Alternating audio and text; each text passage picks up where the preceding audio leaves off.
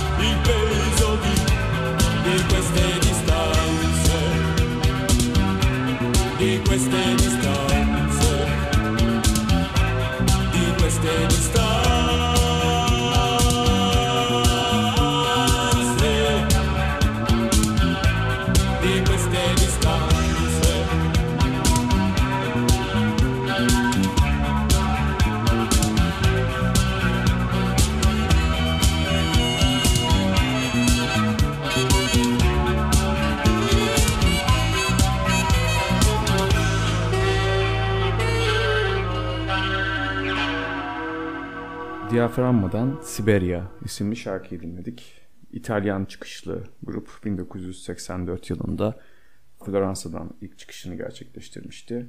İlk albümünün ilk şarkısı olan Siberia'yı dinledik. Evet Ogan bugün e, geçen programda ilk defa deneyimlediğimiz edebiyat konuşmalarıyla bezenmiş programımızın ikinci bölümünü yapacağız.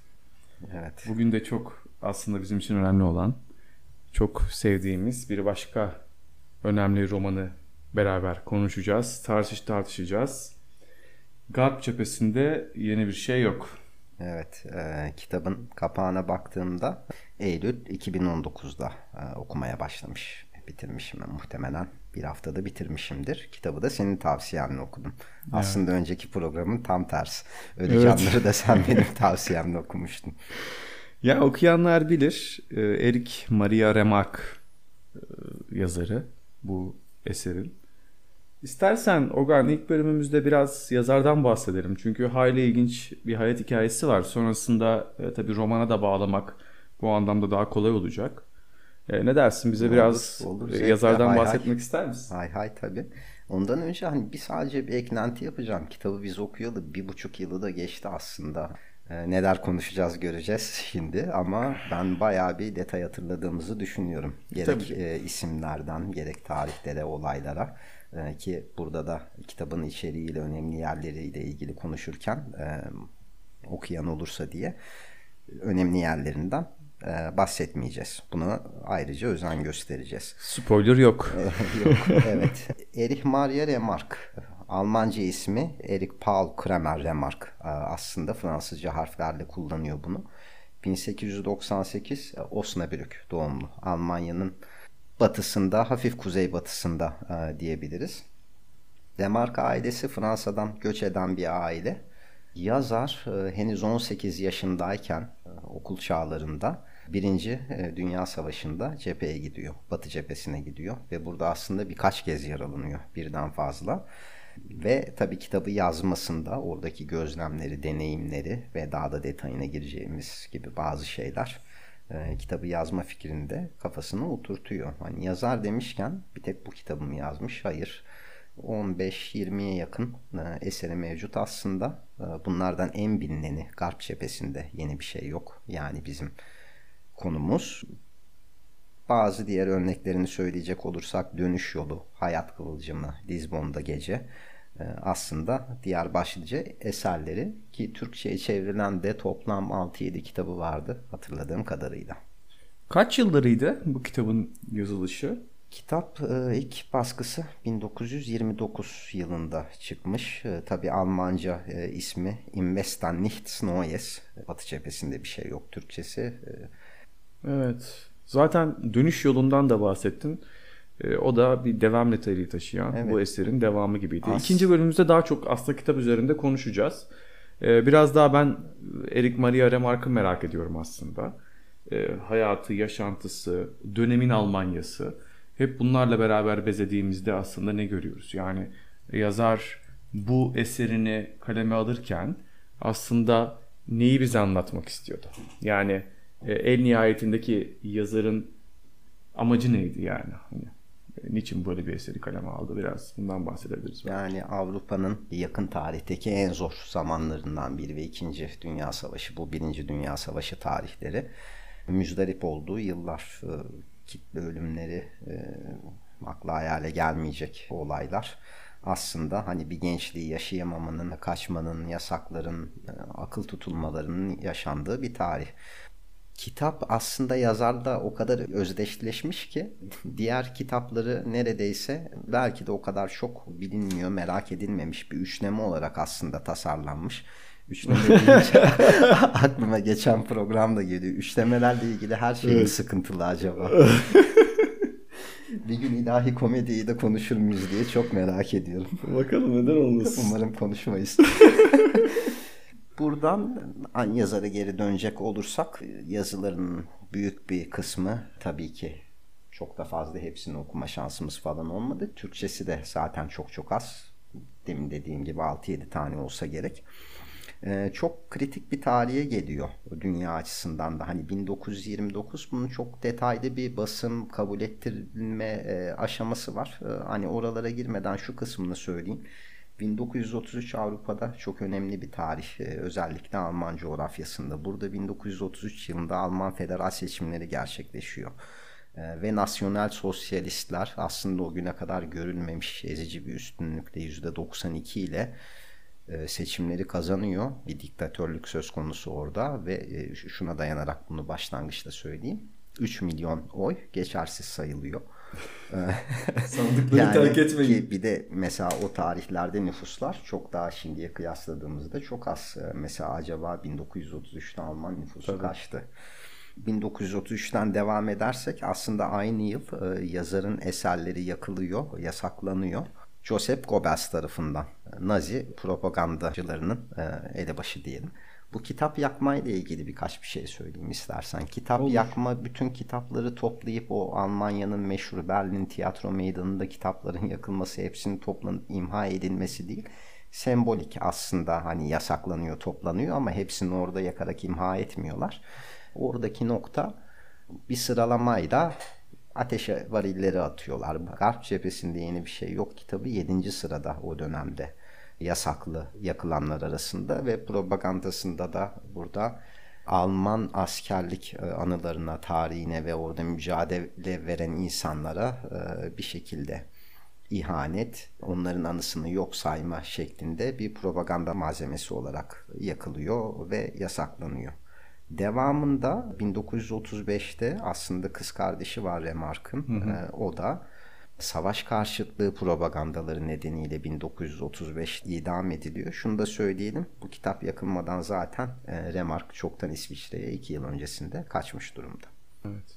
Yani e, aslında bir sonraki bölümümüzde biraz daha kitap özelinde konuşacağız ama yani neden kitaplar yasaklan, yasaklandı, niçin yakıldı? Aslında Eric Maria'nın e, biraz da bize anlatmak istediği derdiyle alakalı bir şey bu. E, bunu daha iyi anlayabiliriz. Hani niçin bu kitabın yazıldığı ya da kitabın ne anlatmak istediğini biraz daha detaylı ve derinlemesine konuştuğumuzda. Ama biraz soluklanalım istersen.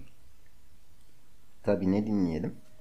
O zaman Cabaret Nocturne'dan Blind Trust gelsin. Blind Trust dinliyoruz.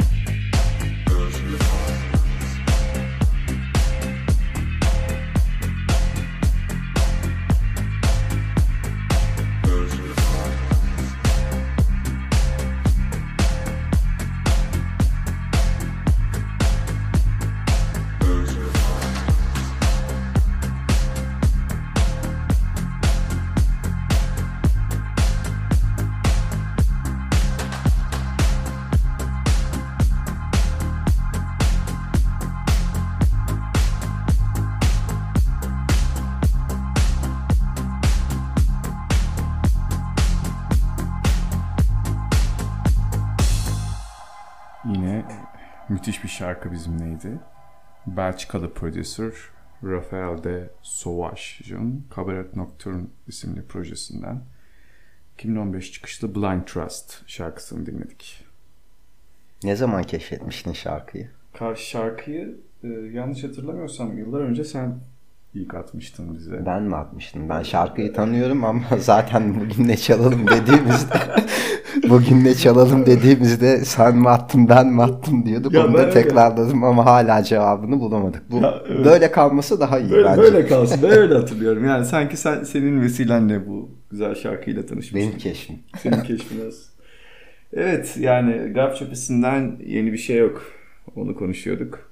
Ee, Ogan çok güzel anlattın. Hem e, dönemi hem e, sanatçı, yazarı bize çok iyi anlattığını düşünüyorum. Çok da önemli aslında bu eseri, bu romanı daha iyi anlayabilmek için çok iyi bir başlangıç noktası oldu.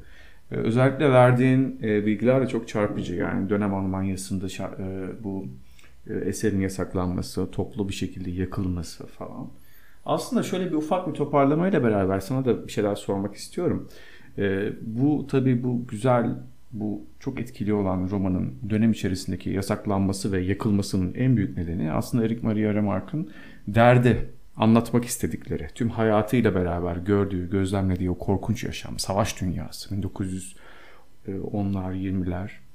Ee, Her kesimden saldırı alıyor kendisi Evet. kitaba karşı. Ya 17 yaşındasın ve e, dönemin konjüktürü gereği senin gidip birilerini öldürmen gerekiyor falan. Yani hani böyle konuşup böyle e, resmetmek çok kolay ama bizzat bunu yaşamış birinin beyninden çıkan bu eserin sonucunu okumak e, tabii çok daha çarpıcı bir şey önümüzde.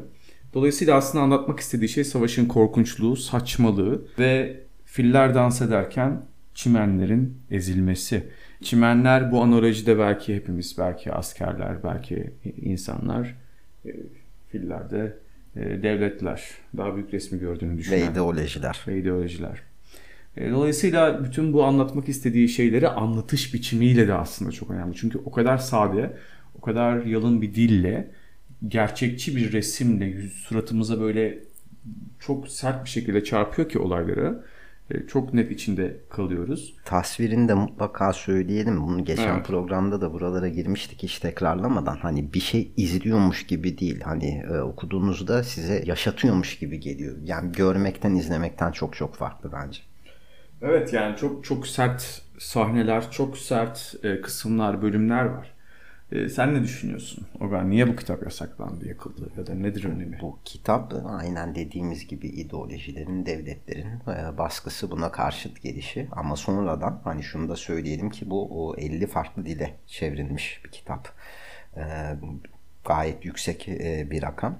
Bizim dilimize e, aslında 1930'da Ahmet Necatigil e, ama daha sonra elimizde olan satın alabildiğimiz baskılarda 1956'da iki çeviri daha ekleniyor. Behçet Necatigil e, ve Burhan Arpat tarafından. İnanılmaz değil mi? Evet.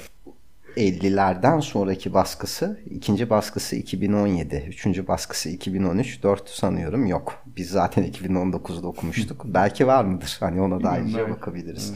Kitabın şöyle bir durumu da var. Aslında biraz içine e, daha derin konuşmadan şunu da ekleyelim. E, kitap Almanya'da aslında birkaç basım evinden geri dönüyor E, ve sonrasında Almanya'da o tarihlerde 30'larda 1 milyon adete kadar ulaşıyor. Bir güne kadar alınmış satılmış sipariş ön siparişleriyle birlikte e, en büyük sayılardan biri bu. Ve de özel bir durumu var. Bin adet özel baskı yapılıyor. Savaşta görme yeteneğini kaybeden askerler için. Oo, çok iyi. E, Yani çok önemli bir kitap. Gerçekten e, şöyle, e, sonuçta bir savaş romanı. Dolayısıyla ana karakterimiz Paul'un gözünden Birinci Dünya Savaşı'nın Batı cephesindeki hikayeleri dinliyoruz.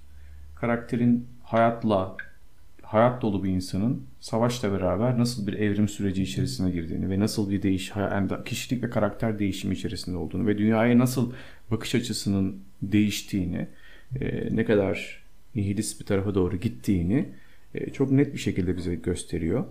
E, yani bilmiyorum çok gerçek, çok elle tutulur bir şekilde bunu söylediği için bence çok etkili. Yani benim çok çok etkiledi beni bu roman. Hatta çok iyi hatırlıyorum Ogan. E, roman bittikten sonra ya abi ben bu adamın başka şeylerini de okumam lazım. Ne var diye baktığımda e, birçok şeyini bulamadım. Tam da o sırada Kadıköy'de e, sahaf festivali vardı Aa. modada.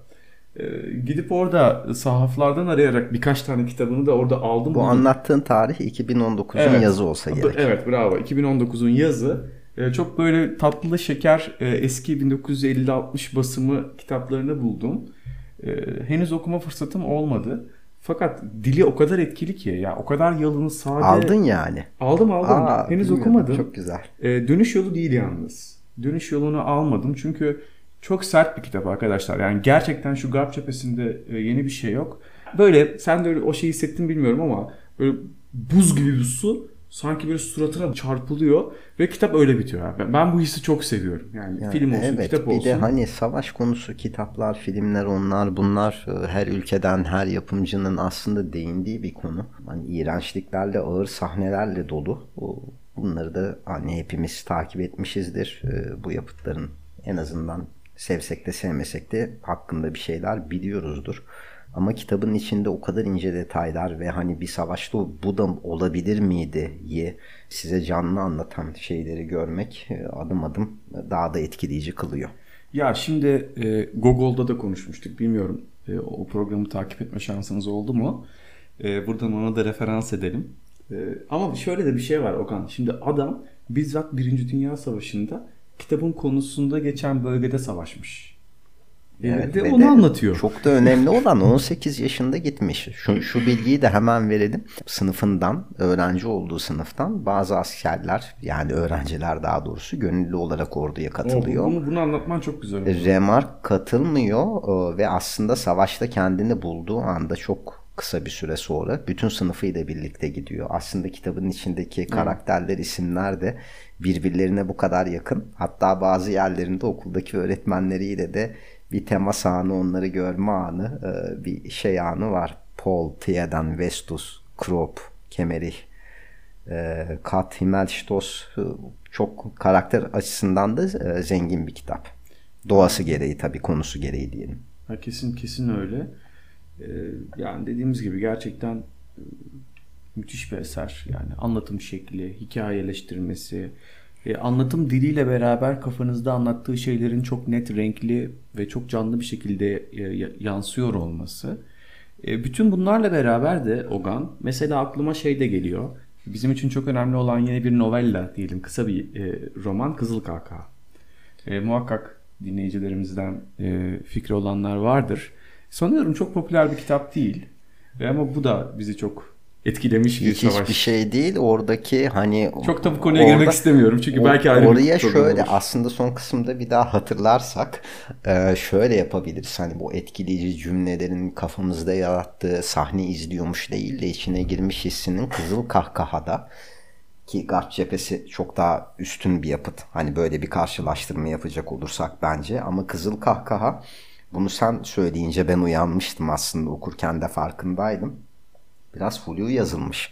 Hani yazar, yazılan şeyin de biraz sapıtmış olduğu hissiyatına varıyorsun. Normalde normal. bu seni rahatsız edeceği yerde e, öyle okurken daha da içine giriyorsun ya da o kızıl kahkahanın isminin neden kızıl kahkaha olduğu gibi çok bu apayrı onun da kendine özgü konuları var. Rus-Japon harbini işliyordu. Evet biraz tabii e, orada Kızıl Kaka'ya çok girmeyeceğim. Hatta çok da bahsetmek de istemiyorum yazar dönem falan. Biz onu da konuşuruz. belki konuşuruz çünkü inanılmaz bir eser bence. Yani şimdi biraz önce şey dedin daha üstün falan bilmiyorum. Yani sonuçta bunların böyle sıralamasını yapmak, üstünlüğünü belirlemek edebi eserlerde bence çok zor. Dolayısıyla bilmiyorum. Ee, ama tabii Kızıl Kahkaha'da savaşın etkisiyle delirmiş bir insanın delice yazılmış bir romanıydı o. Yani inanılmaz flu. Ee, çok acayipti.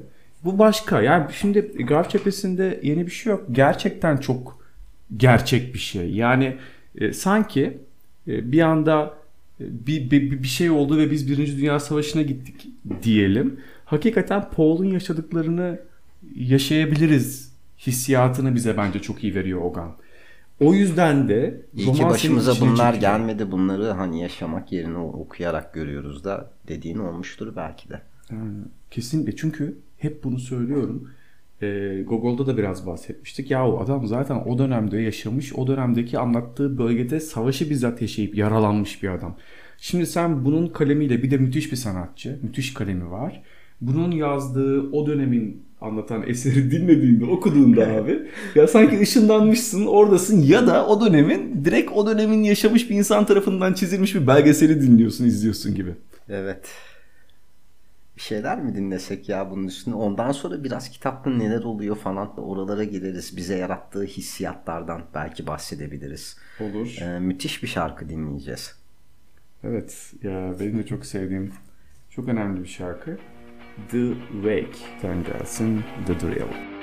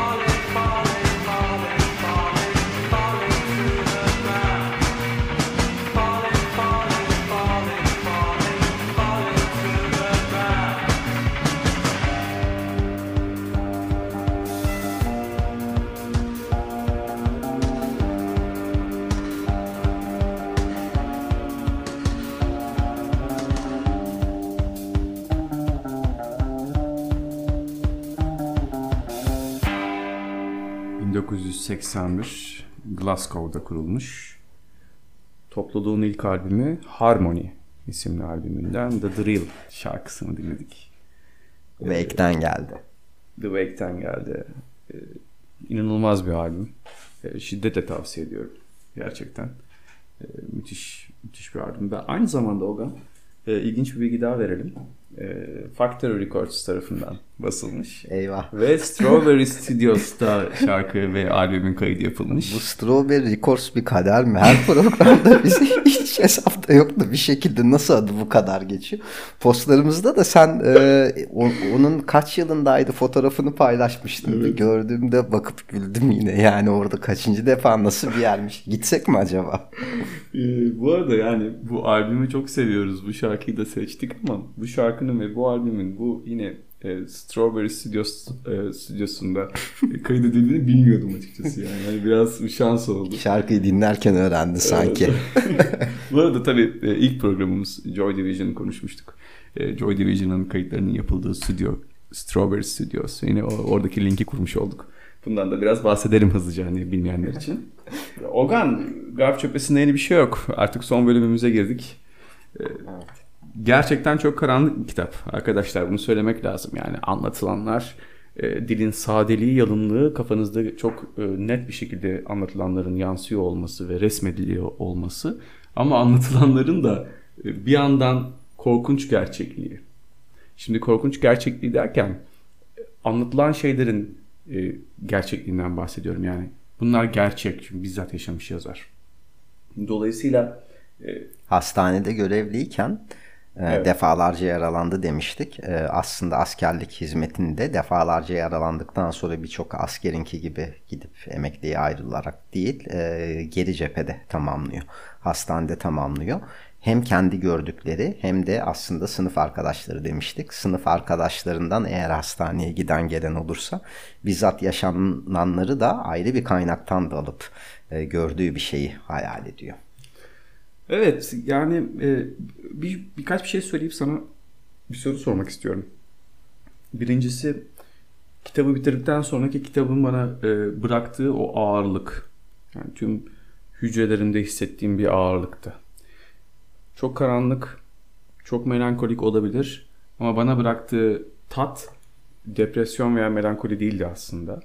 Hakikaten tüylerim diken diken oldu ve o şekilde bıraktım. Ve kısacık bir roman aslında o kadar. Evet evet çok yani kısa. Ya, kitap da bu arada ya. yanımızda e, çok güzel bir sıkı kapağı var. Everest yayınlarıydı ee, sanırım. Evet. Ee, hard, hardcover. 200 219 sayfa. Ama ilk 20 sayfa 30 sayfası da ön söz. E, tabii ki o ön söz de acayip güzel. E, bence o ön söz kitap okunduktan sonra okunmalı. Sanki son sözü daha yakışık, yakışır olacak bir şey bu arada. E, dolayısıyla bana bıraktığı hisler böyleydi. Yani tüylerim diken diken etti. E, ve ben bir şeyi okuyorsam, izliyorsam bana böyle bir hissiyat da veriyorsa sonunda e, çok mutlu oluyorum gerçekten. Tamamen özümsemişim. Kitabın anlatmak istediklerini tamamen her şeyiyle anlamışım ve son sonucu oymuş gibi. Sanki sonucu tüylerimi diken diken etmiş, etmekmiş gibi hissediyorum. Tabii ki her eserde böyle bir şey olmak durumunda değil. Lütfen yanlış anlamayın beni. Ama böyle bir hissiyat içindeydim. E, sana şeyi sormak istiyorum. Sen ne hissettin? Bu kitabı çok beğendiğini de biliyorum. Neden beğendin Orhan? Beni işine aldı. Hızlı hızlı sayfalar oradaki o yaşanan yani kitabı nasıl diyeyim mesela okurken sesleri duyuyorsun. Hiç böyle bir şey yaşadın mı? Ya da aa ben bana böyle geliyor dediği oldu mu? Oo çok iyi. yani bir şey okuyorsun ama hani kafanda bir şahit olmadığın şey yapmayan bir hani ortam sesi belki ortam kokusu nasıl diyeyim oradaki renkler görüntüler e, biraz onu da yaşa aslında hani genel okumanın da e, ben şeyde okuduğumuz şeylerde daha çok tarife biraz daha düşkünüm. Sen de bilmiyorum öyle düşünüyor musun tarife, tasvire ve hani sevdiğim bir konunun daha detaylı anlatılıp hı hı. uzatılması benim için mesela hiç sorun değil. Bu yalın öz kısa e, zaten sayfa bakımından da e, ince bir kitap. Orada bunları hem sade anlatırken hem de içine aslında seni aldı. O yüzden hani Çok iyi. bunu program konusu belki de şimdi böyle tarif ediyoruz niye seçtik kısmını belki de. ya o kadar güzel söyledin ki e, kokusu, hissi sanki oradaymışsın gibi e, seni oraya draması çekiyor. tabii her şeyden önce içeriği. Ya iki gün benim rüyalarıma girdi öyle söyleyeyim. Öyle sanki mi? hani böyle korku filmi izlersin de sonra senin e, gece de geç saatte izlemişsen muhakkak rüyana girer ya. Yani en azından benim için öyle. Ve benim okuduğum Öyle şeyler oldu. hiç rüyama girmedi bu arada. Yani bir an sen böyle deyince şey ya yaptığım çok şey girdi. Ee, Rüyamda bir satranç maçı yaptığım, e, farklı bir dille konuştuğum, daha daha genç yıllarımda bir sınava hazırlanıp onun formülasyonu, bir, bir görseller, bir hissiyatı gelirken okuduğum hiçbir şeye dair bunu hatırlamıyorum. Olmuş olabilir. Ya ama yani işte ben o kadar da az oldu ki benim için de yani okuduğum bir şeyin rüyama giriyor olması. Bu onlardan biri. Bence bu Erik e, Maria Remarque'ın başarısı gibi geliyor. En azından bana hissettirdi. Yani çok net içine aldı beni. Evet bu başarının da en büyük motivasyonlarından biri de belki kayıp bir nesil olarak hani bunu yaşamış olması. Hani hem gidiyor gençliğini yaşayamıyor 18 yaşında bir sınıfta gidiyor. Aslında oyun çağındaki çocuklar yani oyun çağını yeni bitirmiş diyebiliriz aslında. Hayatı deneyimlemeden ve de dönüş yolu demiştik. Ee, mermilerden kaçsa da e, hayatın mermisinden dönünce de kaçamıyor. Aslında Oo, çok iyi. bir ara ana kahramanımız eve gidip geliyor. Ve e, cepheye tekrar gitmek istiyor. Nasıl tarif edebilirim onu? Uyum Çok yani mu? en kötü şeyi yapmak istiyor. Çünkü bir sonraki seçeneğin daha kötü olduğunu düşünüyor. Aslında hani kitaptaki ince mesajlardan birisi de belki bu. Ee, hani savaşın yapılmış olması her şeyi bitiriyor. Savaş bitince ama her şey bitmiyor. Onun izleri yüzyıllarca kalıyor. Bugün de kalmadı mı? Kaldı. Ya bir şey söyleyeceğim. Bence bu arada savaş karşıtlığı, işte savaşın çirkinliği, pisliği, şiddeti falan her şeyi anlatmak istiyor ama senin dediğin o kadar güzel ki bence bunu çok net anlatmak istiyor. Yani savaş o anda, o 1-2 yıl içerisindeki cephedeki hali, haleti ruhiye değil sadece.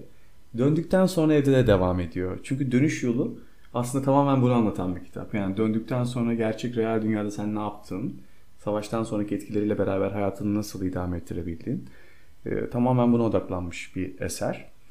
Ee, Sana şeyi sorayım peki Ogan. Ee, aslında ilk soruyla da biraz bağlantılı. Spoiler vermeden kitapla alakalı en çok beğendiğin, seni etkileyen, düşündükçe yıllar sonra geriye dönüp düşündükçe kitapla ilgili aklına gelen bölümler, enstantaneler falan onlardan bizimle paylaşmak istediğin şeyler olabilir mi? O kadar çok ki aslında kitabın sonu hani bunun içeriğine giremeyeceğim şu Kitabın an sonu. ama e, şöyle son yazılan cümlelerden biri e, Batı cephesinde, Garp cephesinde bir şey yok ve bunun aslında e, anlamı da kitabın başlığına çok çok yakışıyor. Bu çok ince bir detay. Biraz klasik gelebilecek ama işlenişi her şeyden çok çok farklı. Düşman askeriyle burun buruna gelip aslında hiç konuşmadan e, düşüncelerin tasvir edilmesi ve bir tercih yapmak zorunda kalması o esnada belki. Evet. Çok çok çok güzel. Ve de karakterlerin detayları aslında demin bir sürü e, isim saydık. Herhalde bir 14-15 e, isim geçiyordur bir sonuçta askeri bir, bir savaş şeyi olduğu için bir bölük söz konusu. Askeri birimler söz konusu. E, buradaki isimlerin aslında gözlemle e, bir hiçlik içinde başka onunla birbirini sahip olduğu insanlar dışında e, hiçbir şey yok. Hepsi için geçerli buradaki isimlerin niteliklerini e, bir şey çalma, düşman cephelerinden türlü çılgınlıklar, kendi aralarındaki aslında zaman zaman değinilen e, çekişmeler. e, bu- Burada baktığınızda aslında her insanın da karakteristiğinin farklı olduğunu, e, aynı bir aslında Rus tipi bir tarif de var diyebilirim. Kesin, kesin. Ya Ogan ben şeyi çok seviyorum. Ee, ne düşünüyorsun da bilmiyorum. Dizilerde, filmlerde, kitaplarda karakter gelişimi ve bu karakter gelişiminin e, merdiven basamakları çok benim ilgimi çekiyor. Yani karakter neydi? Yaşadığı olayla beraber artık karakterimiz nereye evrildi? Başına onun ondan sonra ne Evet. geldi? Ya şimdi şöyle ya bu soruyu bana sormuş olsaydın şöyle bir şey söylerdim. Soruyorum. Sor. ya şimdi karakterler geliyor, hayat dolu. Hayatıyla alakalı planları olan, ümitleri olan, gelecekle alakalı kaygıları olan insanlar. Sonra nereye evriliyor? Çok da spoiler vermeyeceğim. Hani çok da biraz böyle gizemli bir şekilde bırakmaya çalışıyorum. Nereye evriliyor? Bir bunu takip ediyorsun. Bir de insanların e, değişen hatta çok da korkunç olabilecek ortamlara uyum sağlayabilme kapasitesi biraz dehşetvari bir şey değil mi? Yani- Yani heriflerin hayatı bir anda cephe oluyor ya. Çok beğendim yakaladığın yeri. Bunu da düşünmüştüm Hı. aslında. Yani buna bir insan ne kadar tahammül edebilir? Tahammül edeceği şeyin sınırı 1, 2, 3 misli, 4 misli derken e, aslında bir sınırı olmadığını görüyorsun. Ne kadar zor bir duruma düşebilirsin sorusunun cevabı. Belki de en kötü örneklerden biri buradaki kişilerin karşılaşabileceği. Kesin, kesin. Hatta yani. Çünkü yaşananlardan sonra her şey bir anda tersine dönüp en olumlu senaryo gerçekleştiğinde bile e, o deneyimleri onlara e, bundan sonra baktığı her şeyi farklı hissettirecek. E, bunu aslında hani basit cümlelerin içinde çok net anlayabiliyorsunuz. Müthiş. Evet. Bir de belki şunu ekleyebilirim. Savaş dünyası, savaşın içinde hayatları savaş ve cephe oluyor insanların. Ve artık tüm kaygıları, hayata bakış açısı da o yönde oluyor. Yani şunu demek istiyorum. Bir kere ölümün sıradanlığı. Çünkü arkadaşın bir anda paramparça olup önünde kalabilir. E, hadi 1, 2, 3, 5 eğer sen bunları atlatıp hala cephede ve savaşta olabiliyorsan artık bunu normalleştirebiliyorsun. Dur ki dedirmemişsindir ki. Ne olmuş ki sana ya. oraya geri gitmek istiyorsun ve bunu aslında bir kahramanlık ya da başka bir şey edasıyla değil neden ihtiyacı olduğunu çok acı şekilde anlatıyor ve bunu evet. anlatırken utanıyor aslında. Kesin. E, ve artık şu noktaya geliyorsun Ogan. Ya arkadaşım öldü. Şunun çizmesini alayım ya. Çünkü o çizme bayağı iyiydi. Benim çizmem o kadar iyi evet, değil. Çizme kitabın o, sembollerinden biri belki değil mi? ya bu ne kadar sert bir şey. Şöyle doğru hatırlıyor muyum? O çizme bir aslında piyade taburu o, kitapta geçen senaryo. Aslında bir havacı çizmesiydi. O, o, ee, diğer çizmelerden farklıydı evet, ve evet. aslında çizme e, aralarında ne kadar çekişme olsa da e, karakterlerin bir süre sonra engellenemez bir dayanışmaya gidiyor. O çizme de aslında sembollerden biri ve çizme e, yani her kayıptan sonra bir aslında benden sonra çizmenin sırası bundadır diye e, arkadaşına bir mesaj veren o ya cümleler Orhan, var. Acaba bu bir çizme romanı mı? Hani baş karakterimizin çizme olduğu ve çizmenin e, farklı ayaklarda hayatını devam ettirdiği falan bir roman bile Çizmeyi neden bir meta, metafor olarak metafor. çok rahat sayabilirsin çok bu senaryoda. Çok net. Çizme gibi başka bir sürü malzeme de geçer. E tabi tabi. Yani ama çizmeyi şu yüzden, bu analojiyi de bu yüzden söylemek istedim.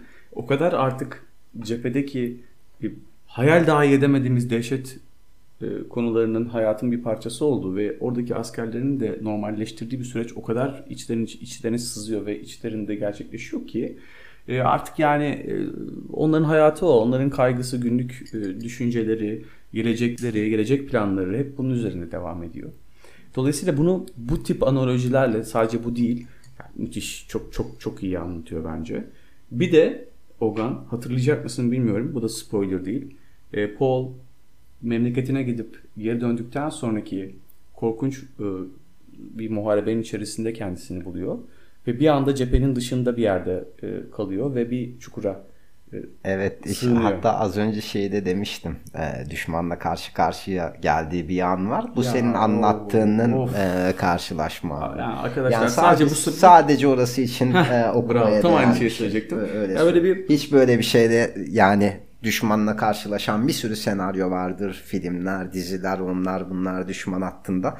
Ama bu bambaşka. Yani oradaki bir işte bir çukurda kendini şey yapıyor, buluyor ve Orada bir düşman askeriyle karşılaşıyor falan anlatmayacağım. E, yaşadıkları çok çok enteresan. Böyle 30-40 sayfa anlatmış. Evet. Ve yani böyle soluksuz bir şekilde çok hızlı okuyorsunuz. Sonra diyorsunuz ki çok hızlı okudum. Biraz geri dönüyorsunuz. Bir daha okuyorsunuz falan. yani ben yavaş yavaş okuyayım bunu e, isteği de uyandı mı sende? Bu bence sende uyanmamıştır. Ben Bu de bana özgü bir manyaklık. daha yavaş okusaydım diyorum. Sonrasında ikinci defa okumaya da cesaret gösteremiyorum. Hani böyle bir film izlersin tamam mı? O kadar mesela Requiem for a Dream gibi bir film. Bilmiyorum izledin mi? O filmi evet. mesela ben ikinci defa izlemeye cesaret edemiyorum abi. Dancer in the Dark. Tamam mı? Mesela bu e, bu film düşünelim. Bu da aynı şekilde benim için. Yani bir daha izleyeyim cesaretini gösteremiyorum. Peki, Kitap da onlardan biri abi yani. Ölü canları ikinci defa okumaya Okurum. cesaret edebilir misin? Onu ederim yani. onu ederim isterim de. Ve eminim de hayatımın bir noktasını bir daha da okuyacağım, okuyacak, okuyacak olacağımdır. Evet. E, ne yani yapalım? Çok da fazla daha fazla spoiler vermek istemiyorum. Biraz daha konuştukça oralara gidiyoruz. Çünkü çok etkileyen yerler var. Ee, buradan büyük tavsiyemiz olsun. Çok bir, bir, Yani 2-3 hadi 3-4 saatinizi ayırıp bir film izler gibi okuyabileceğiniz bir roman. Sonrasında da e, çok büyük bir yük, çok büyük bir ağırlık midenizde hissedeceksiniz. Ve bu his e, tüylerinizi diken diken edecek belki. E, ama hayattan da nefret ettirmeyecek sizi. Gerçekten öyle değil mi? Yani mesela Requiem for a Dream gibi değil. O da ben hayattan nefret etmiştim o film izledikten sonra. Yani lanet olsun demiştim. Bence öyle değil. Çünkü anlatmak istediği şey çok insan var, çok insani. Çok bize dokunan şeyler. Sanıyor muyuz ki şu anda savaş yok? E, yani e, hayatta kalma mücadelesinin içten gelen motivasyonu, duygusu hep aslında okuduğumuz eserlerde mevcut. Bu bunda özellikle çok daha fazla hissedildiği için bundan bahsettim. Sen ne diyorsun? Kitabın içerik kısmını aslında okumayanlar için kendi aramızda konuşalım diyelim. Evet. o zaman ayak sesleriyle başlayan bir şarkı dinleyelim. Being Followed Home. Pulp'tan geliyor.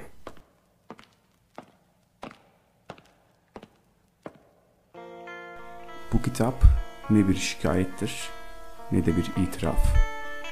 Harbin yumruğunu yemiş, mermilerinden kurtulmuş olsa bile tahriplerinden kurtulamamış bir nesli anlatmak isteyen bir deneme sadece.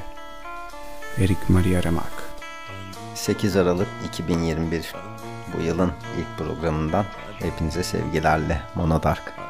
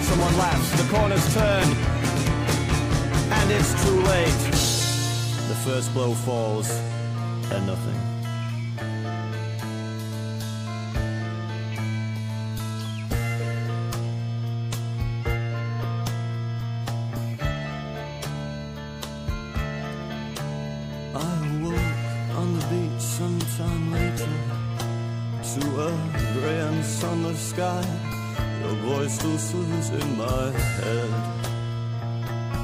I can't remember what you said. I get to my feet, my body aches. I make for the tenth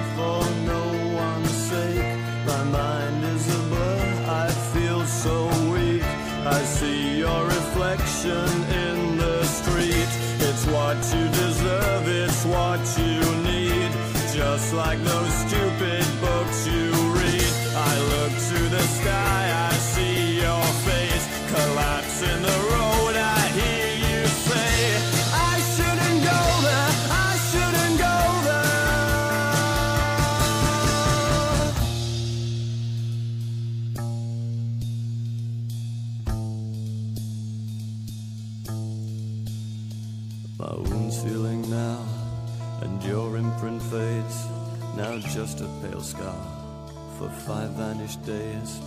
Your voice is so weak, your face is unclear. Your body a legend from a forgotten year.